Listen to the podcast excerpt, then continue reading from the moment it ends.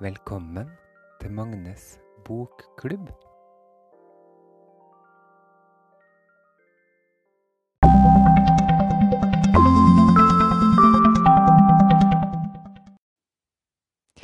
Hei og velkommen, kjære elskede lytter.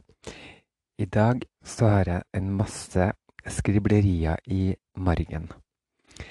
Det her med å ha en lesesirkel, selv om jeg ikke har direkte kontakt med de i sirkelen mine Foreløpig så åpner det jo opp en hel del for meg. Det sender meg alle retninger.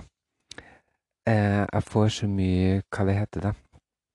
Eh, digresjoner og forskjellig informasjon skjult mellom i linjene i den historien jeg holder på å lese, at det er helt utrolig nydelig.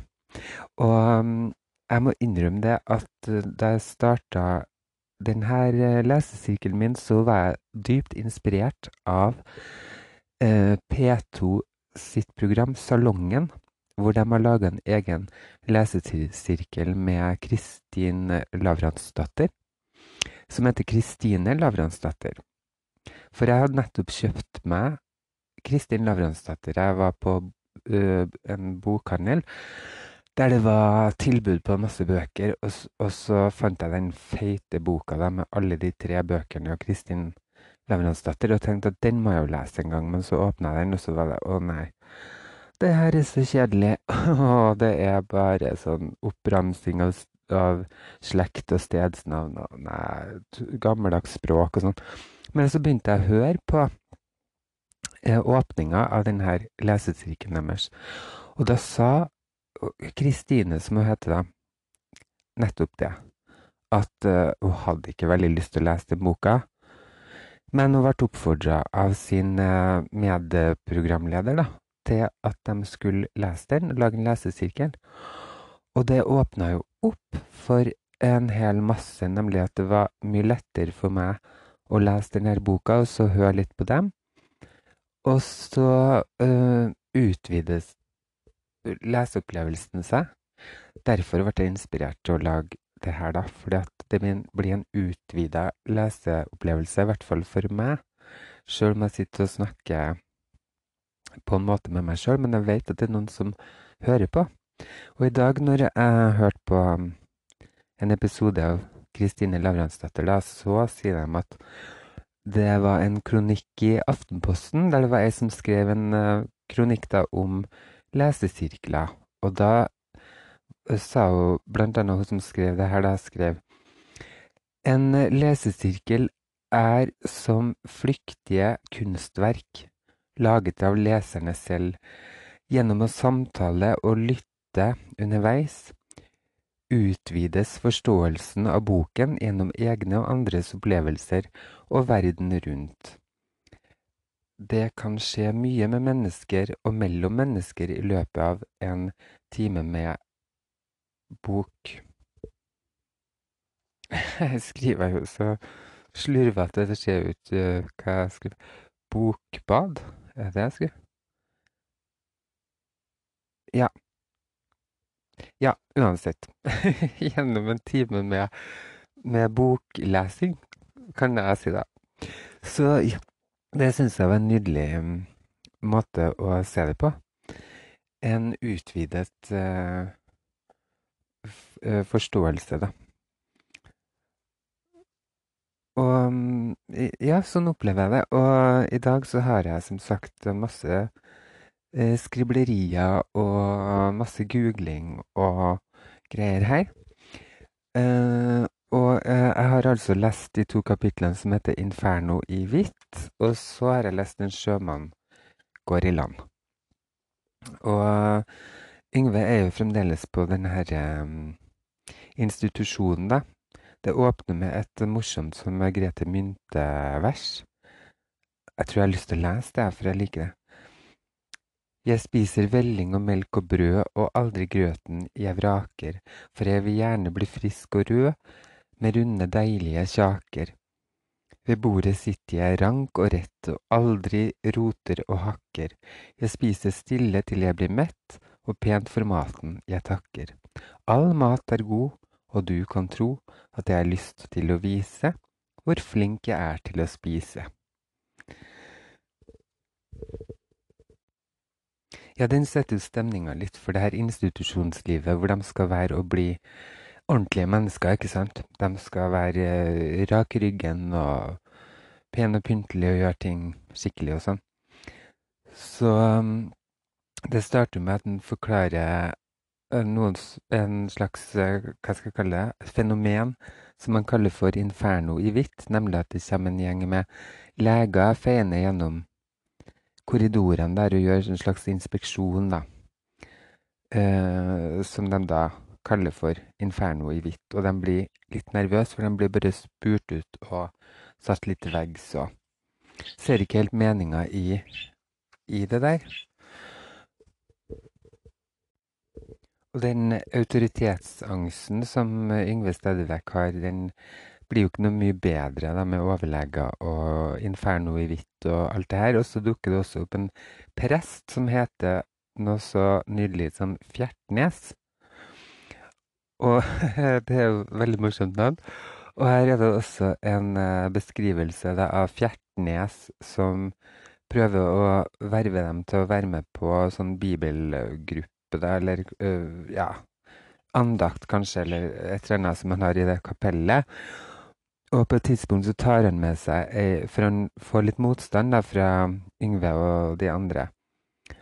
Og da tar han bare med seg ei som sitter i rullestol, hjelpeløs og ikke, ikke kan bestemme sjøl, og bare ruller inn i kapellet, hvorpå de springer etter da, og får rivd løs uh, kjerringa og ta med seg Uh, eller spør henne sjøl om hun faktisk har lyst, og hun rister på hodet og sier at det har hun ikke lyst til. Og så kommer jeg til en sånn uh, skribleri i margen her, da. Det er um, av de pleierne som jeg ikke husker navnet på nå, men uh, hun skal i hvert fall slutte. De er lei seg for det fordi at hun er hun er en av de bedre der, da, som de har god kontakt med. sånn. Uh, og hun skal gifte seg, da, og da står det at hun skal smise i hymens lenker. Og det har jeg tenkt på noen gang, hva stammer det fra? Jeg har jo hørt det flere ganger. Så jeg måtte jo google det da, for å få det sånn ordentlig på det rene. Og hymen er altså guden for bryllup og ekteskap i gresk mytologi og romersk religion. Uh, er det, og han er en personifisering av jomfruhinna, hymen. Det er litt interessant. Å smis i hymens lenker er, er, da altså et uttrykk for å gifte seg. Og det er ikke et vielsesrituale, men en gammel bryllupstradisjon. Praktisk så skjer det ved at brud og brudgom holder en lenke med to hjerter på, mens smeden sveiser hjertene sammen. En stadsfestelse av det løftet brudeparet gir hverandre. Det symboliserer en pakt som er lett å forene, men vond å bryte opp. Ser dere en lesesirkel bare utvide uh, verden? Uh, I hvert fall for meg. Uh, plutselig så vet jeg litt mer om Hymens lenker, f.eks. Det syns jeg er litt artig, da. Flere ting, flere uh, margskriblerier. Um, Yngve og Astrid driver vel og snakker litt om homo ting og homokamp og det å få barn og litt forskjellig sånn. Og da har jeg skrevet Her har det skjedd utvikling i samfunnet, ja. Google homokamp. Jeg har skrevet Nå er det jo prideuke i Trondheim, her som jeg bor. Og um, jeg måtte jo prøve å google litt, men jeg kjente at jeg orka ikke å lese innmari mye. Men uh, det som stakk seg ut, da, som jeg også har lagt merke til Alltid i Norge når det blir snakk om homokamp, så er det en dame som kommer fram. Karin Kristine Kim Friele. Uh, som har vært sentral der, da. Så hun blir alltid nevnt. Um, hun ble altså valgt som den første kvinnelige formann i 1966 i i det her som de kaller Forbundet av 1948, er det det heter? ja, Det norske forbundet av 1948, som var en sånn organisasjon da, som har gjort masse. Og det er jo ganske utrolig at hun kommer alltid fram som en sterk, uh, ruvende personlighet i denne homofrigjøringskampen i Norge. Det er ikke så mange andre som Men selvfølgelig så er det jo helt sikkert det er mange som har stått sammen og sånn, men hun uh, har virkelig stått på. Så, så vi hever vårt glass i dag for Kim Friele. Og så er det en annen sterk kvinne i Norge som Yngve blir inspirert av, for han snakker da med Astrid, som er glad, veldig glad i å lese. Og hun nevner da Amalie Skram. Amtmannens døtre, tror jeg hun foreslår for Yngve, da. Og det blir en av hans største leseopplevelser. Nei, Hellemyrsfolket står det kanskje. Ja, Hellemyrsfolket var det, unnskyld. Uh, men i hvert fall den blir en eh, stor uh, opplevelse for uh, Yngve å lese, da. Og det kjente jeg at jeg også ble inspirert av. Jeg begynte nemlig på å lese den en gang, og ble faktisk litt revet med. Og jeg tenkte at litt som Kristin Lavransdatter at å, yes, det her er litt tungt og trasig, gammelt språk, øh, vanskelig. Men så kom jeg litt inn i det, og så løsna det. Og den tenker jeg at jeg må lese ved en senere anledning. Og enda flere skrib skriblerier her også. Her står det også Onan. Eh, jeg vet ikke hvilken sammenheng. Um, ja, det er noe som Astrid sier, tror jeg, i en setning. Jeg skal lese den setninga. Jeg gikk dit av rein nysgjerrighet, din kyniske drittsekk. Har jeg trampa på hellig jord, kanskje? Ja, snakk om at du gikk på et homsested, tror jeg. Har jeg trampet på hellig jord, kanskje? På Onans jordgulv? Og da begynte jeg å tenke på Onan, for det er jo han som gjør at vi har ordet onani. Og øh, ja, opprinnelsen til det ordet, ja. Og det syns jeg var spesielt da. Her står det at han var Judas eh, sønn, altså ikke Judas sin sønn, men Juda sin sønn. Og um, hvem Juda var, det kan jeg ikke svare på akkurat nå. Men da Onan sin eldste bror, som heter Er, døde eh, Skal vi se Er gjorde altså et eller annet ondt i Herrens øyne, så han måtte dø, da. Da anmodet Juda Onan å gjøre Er sin enke gravid. Onan innså at barnet ikke kom til å bli hans, derfor så lot han sæden gå til spille på jorden. Men det Onan gjorde, det var ondt i Herrens øyne, og han lot også han dø. Nemlig. Så det at Onan da bare slapp sæden sin ned på jordgulvet, det, det var ikke så bra, da. Uh, så ja, han onanerte rett og slett. Uh, bare slapp sæden ut uten at den befrukta en uh, kvinne. Så sånn er det. Da vet man også opprinnelsen til ordet onani. Og så er det noe litt artig her eh, med tanke på virkelighetslitteraturen. Fordi at uh, her nevner altså Yngve en del uh, forfattere, som Amalie Skram og Karin Boye og forskjellige som har tatt livet sitt eller dødd av narkotika og litt sånn. Så han nevner de her virkelige forfatterne, sånn som Karin Boye, Amalie Skram og sånn, og så skriver han Jonas døde i. Jonas var innom de fleste hel... Å, herregud, nå begynner jeg å bli gammel. Jeg har blitt 40 år, så jeg ser litt dårlig. Um, han ble funnet død i 1976, ja, står det. Så her foregriper han tida litt òg, da. Fordi at Jonas er jo med videre i boka. Og Jonas er jo da Jens Bjørneboe, så det blir litt sånn pussig. For de andre forfatterne blir jo nevnt med, med sitt virkelige navn. Men Jonas, altså Jens Bjørneboe, blir nevnt som Jonas. Men med det Nå skal vi sjekke Google, da, bare for å være sikker her. Jens Bjørneboe, hvor er han? Der, ja. Han døde i 1976, ja. Mm. Det står Bjørneboe levde et turbulent liv der alkoholmisbruk og depresjoner satte sine spor. Bjørneboe tok sitt eget liv 8. mai 1976. Ja. Og da fant jeg også en artikkel der det står noe om en som heter Tore Rem, som har skrevet Bjørneboe-biografi. Og at uh, Gudmund Vindland, som har skrevet denne boka her, hadde en del brev fra Jens Bjørneboe som han ville skrive bok av, da, men familien til Bjørneboe ville ikke at brevene eh, skulle gis ut.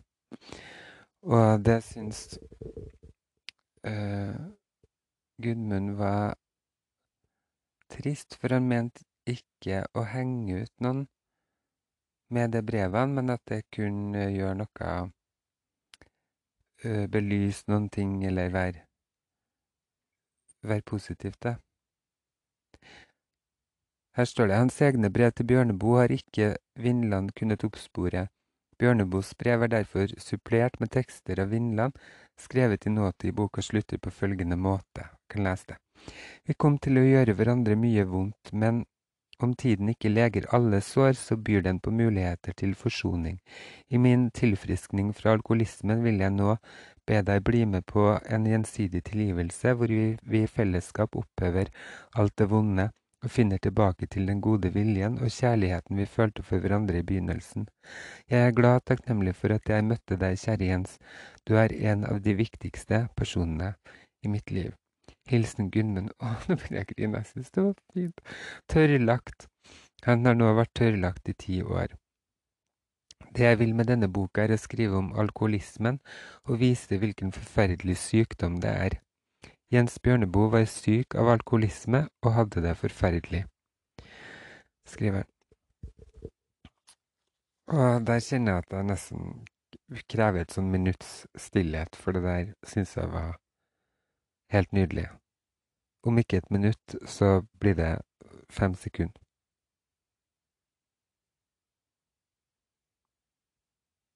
Takk. Da går jeg videre. Eh, en sjømann går i land heter neste kapittel, og da sier Yngve det at han øh, Han holdt på på et dikt da, som han har brukt lang tid på, på i den tida her, så sier han at han ble muligens voksen den gangen, og det begynte med sjømannen Kalle. For det var altså en sjømann der da, som bodde der, som egentlig var ganske snill og god, men ble øh, sett på som litt skummel og br brøt ned voldsomt, kanskje, da. Men Yngve sier at han likte han bedre bedre. Han var tvers igjennom et sunt menneske. Derfor hadde han blitt sendt på psykiatrisk klinikk. Han hadde forstått og kritisert utviklinga innen sjømannsyrket. Dermed hadde samfunnet plassert han i båsen for psykisk psykiatriske kasus. Og doktor eh, Chivago, som eh, Yngve kaller han, da, har vært ekstra streng mot Kalle, da.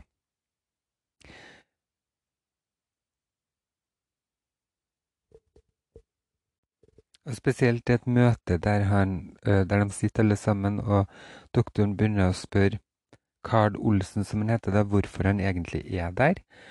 Og når han ikke kan svare, så sier han at uh, uh, Han tolker det som at han egentlig ikke har behov for å være der, og at han får gratis mat og snylter på systemet og sånne der ting, som gjør at til slutt så sprekker det for sjømannen Kalle, og han knuser båndopptakeren. Sånn at det mest dramatiske som har skjedd i den øh, gruppeterapien deres, som kassettopptakeren egentlig skulle ta opp, da, ikke ble dokumentert likevel. Fordi at den øh, ble små plastbiter i tusen knas. Og sjømannen kaller utbrutt følgende, da. Dette er det aller helvetes verste horhuset jeg har vært på noen gang i hele mitt liv, og du, din psykiaterjævel, er den mest utspekulerte råtass av en hallik jeg noensinne har sett. Jeg syns synd på disse stakkars horene dine, du skulle vært gjella, sier han. Så det er en kraftsalve der, altså. Og så stikker jeg bare av, og så på slutten der så sier Yngve at han er en av de som han ikke har no, hatt noe kontaktinformasjon til, eller uh, kunne treffe på senere, da. Og at han virkelig hadde ønska å takke Kalle for hans Hva skal jeg si tilstedeværelse, og at han fikk møte han og sånn. Og da lurer jeg veldig på Gudmund som har skrevet den boka her, da om han sjømannen Kalle, om han har møtt han, og hvem det er, og fant han noen gang ut hvem det var?